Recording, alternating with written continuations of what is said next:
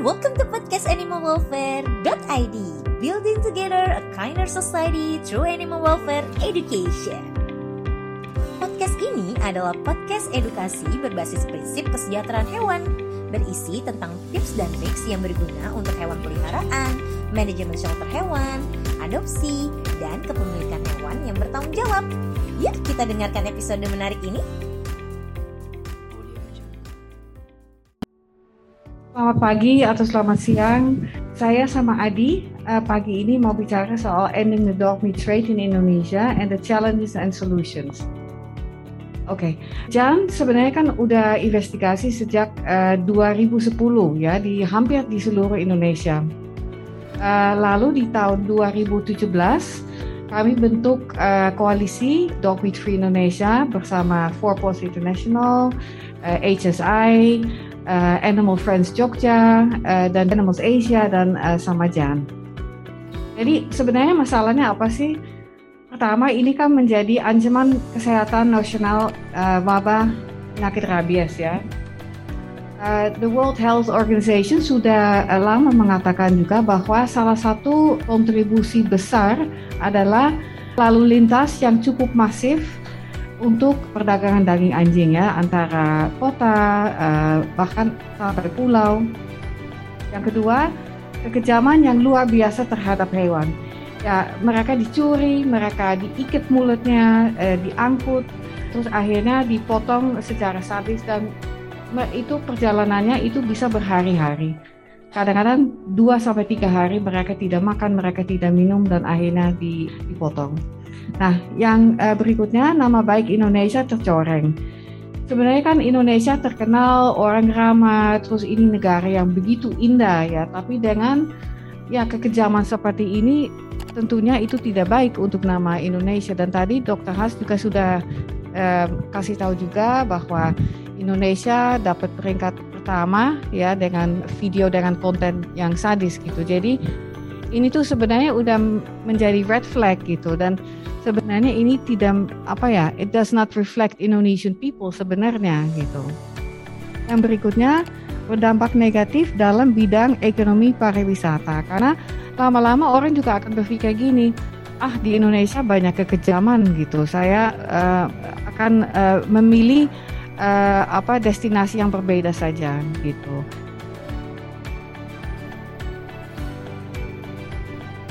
Assalamualaikum warahmatullahi wabarakatuh. Salam sejahtera untuk kita semua.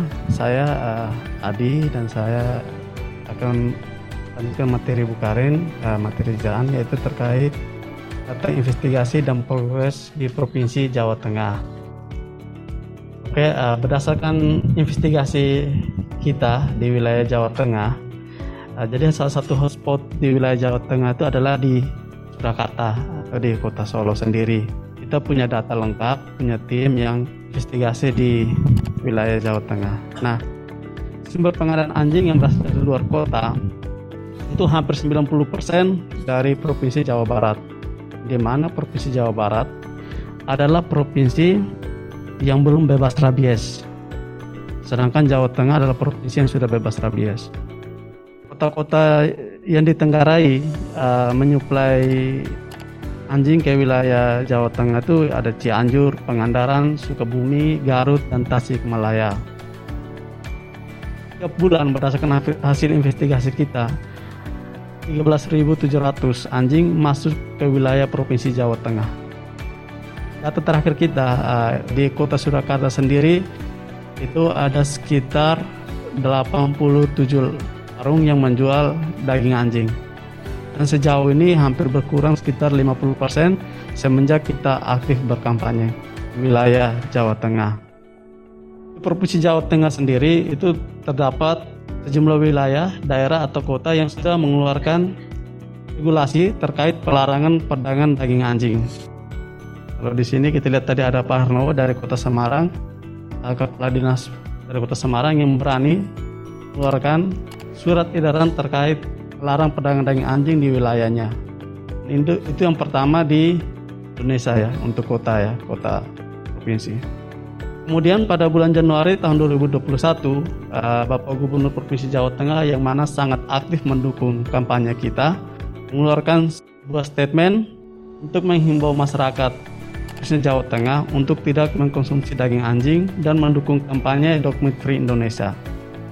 Kemudian pada bulan Juli 2022, akhirnya Dinas Peternakan Provinsi Jawa Tengah resmi mengeluarkan surat himbauan kepada semua kota dan kabupaten di Jawa Tengah untuk melarang perdagangan daging anjing. Saya ini sendiri berisi kutipan tentang kekejaman terhadap hewan dan fakta bahwa daging anjing tidak termasuk kategori pangan di Indonesia. Jadi di masyarakat sendiri masih ada yang berasumsi bahwa daging anjing itu adalah pangan. Dan berdasarkan surat edaran Kementan, daging anjing bukan tergolong bahan pangan.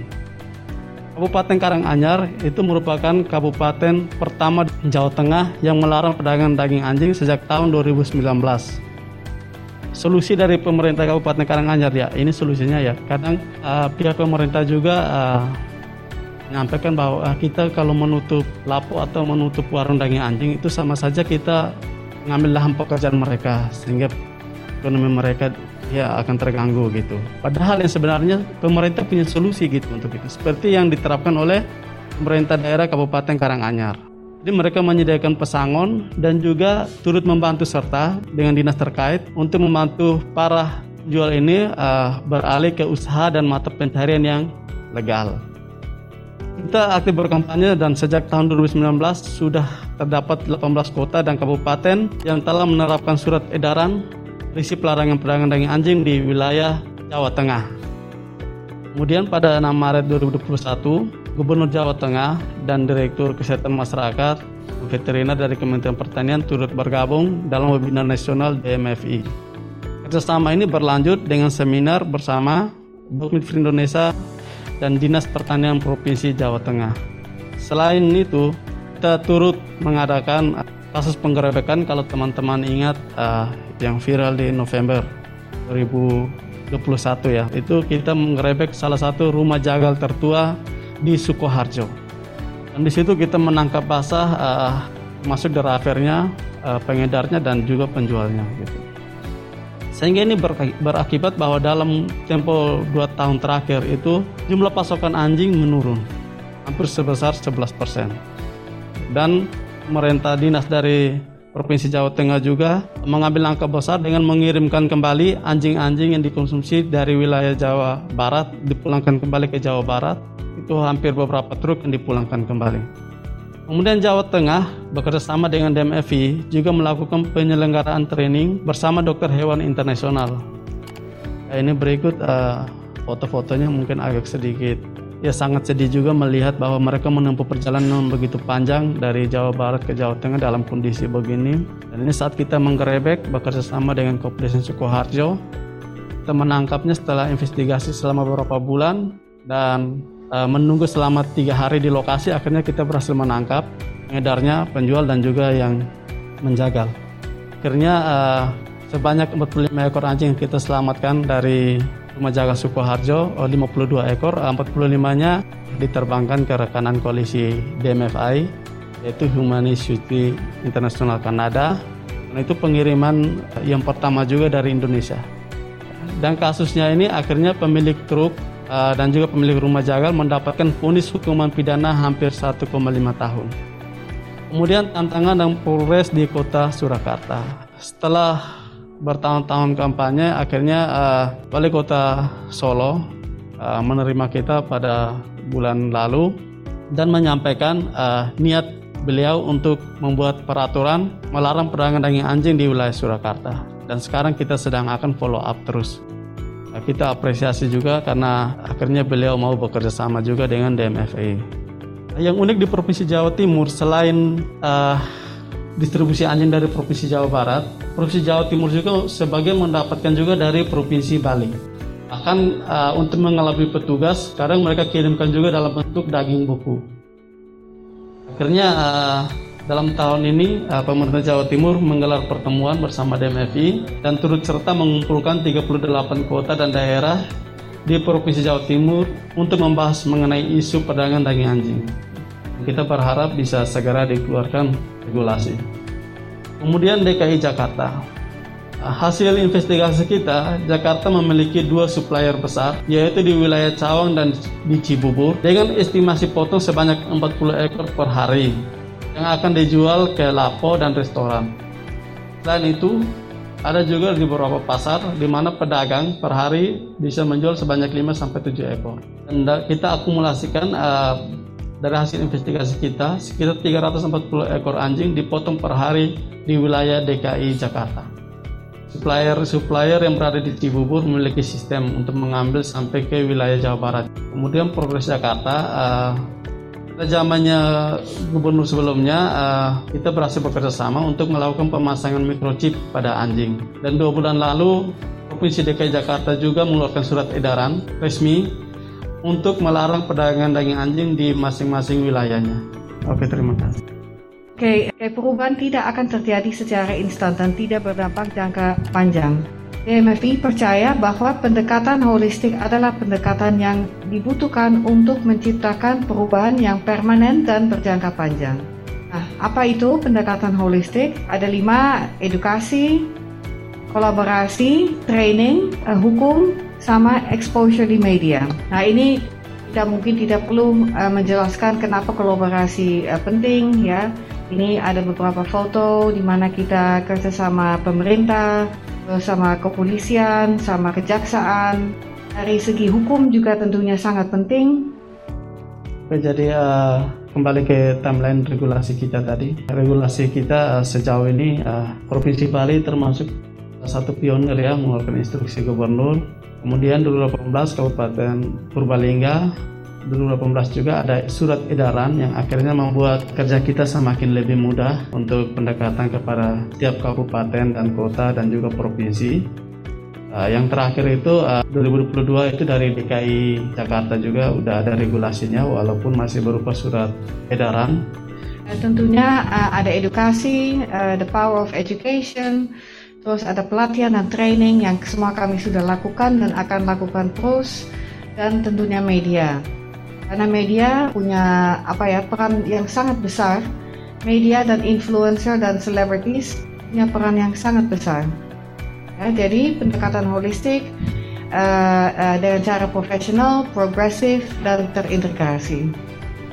Saya ambil contoh aja di Provinsi Jawa Tengah.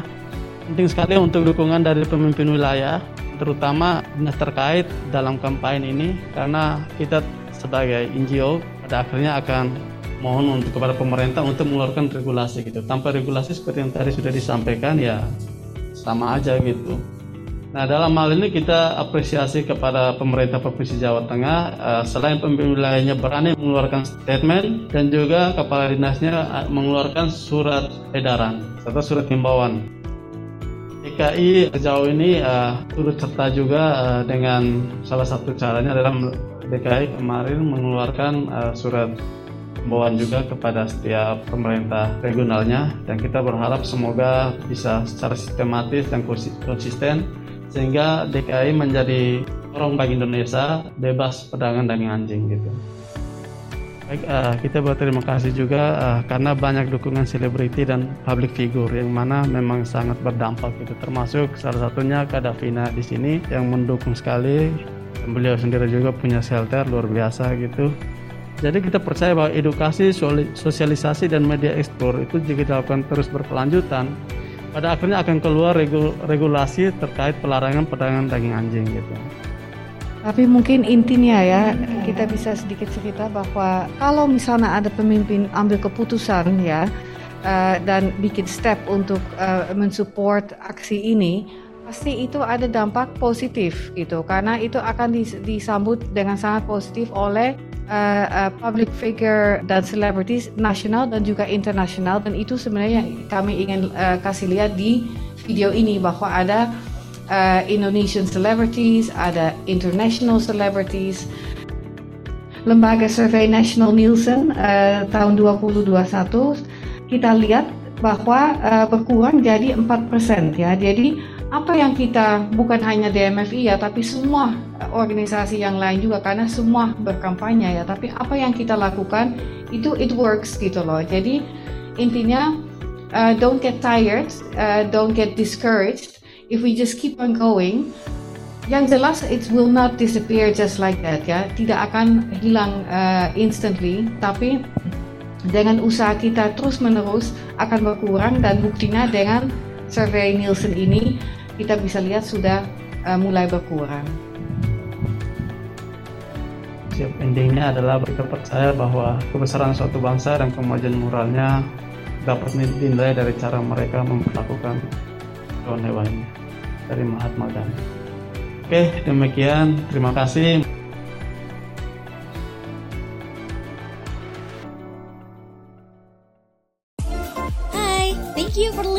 Podcast animalwelfare.id. Semua informasi ini dapat diakses di website animalwelfare.id. Jangan lupa subscribe, like, dan share ya. See you in the next episode.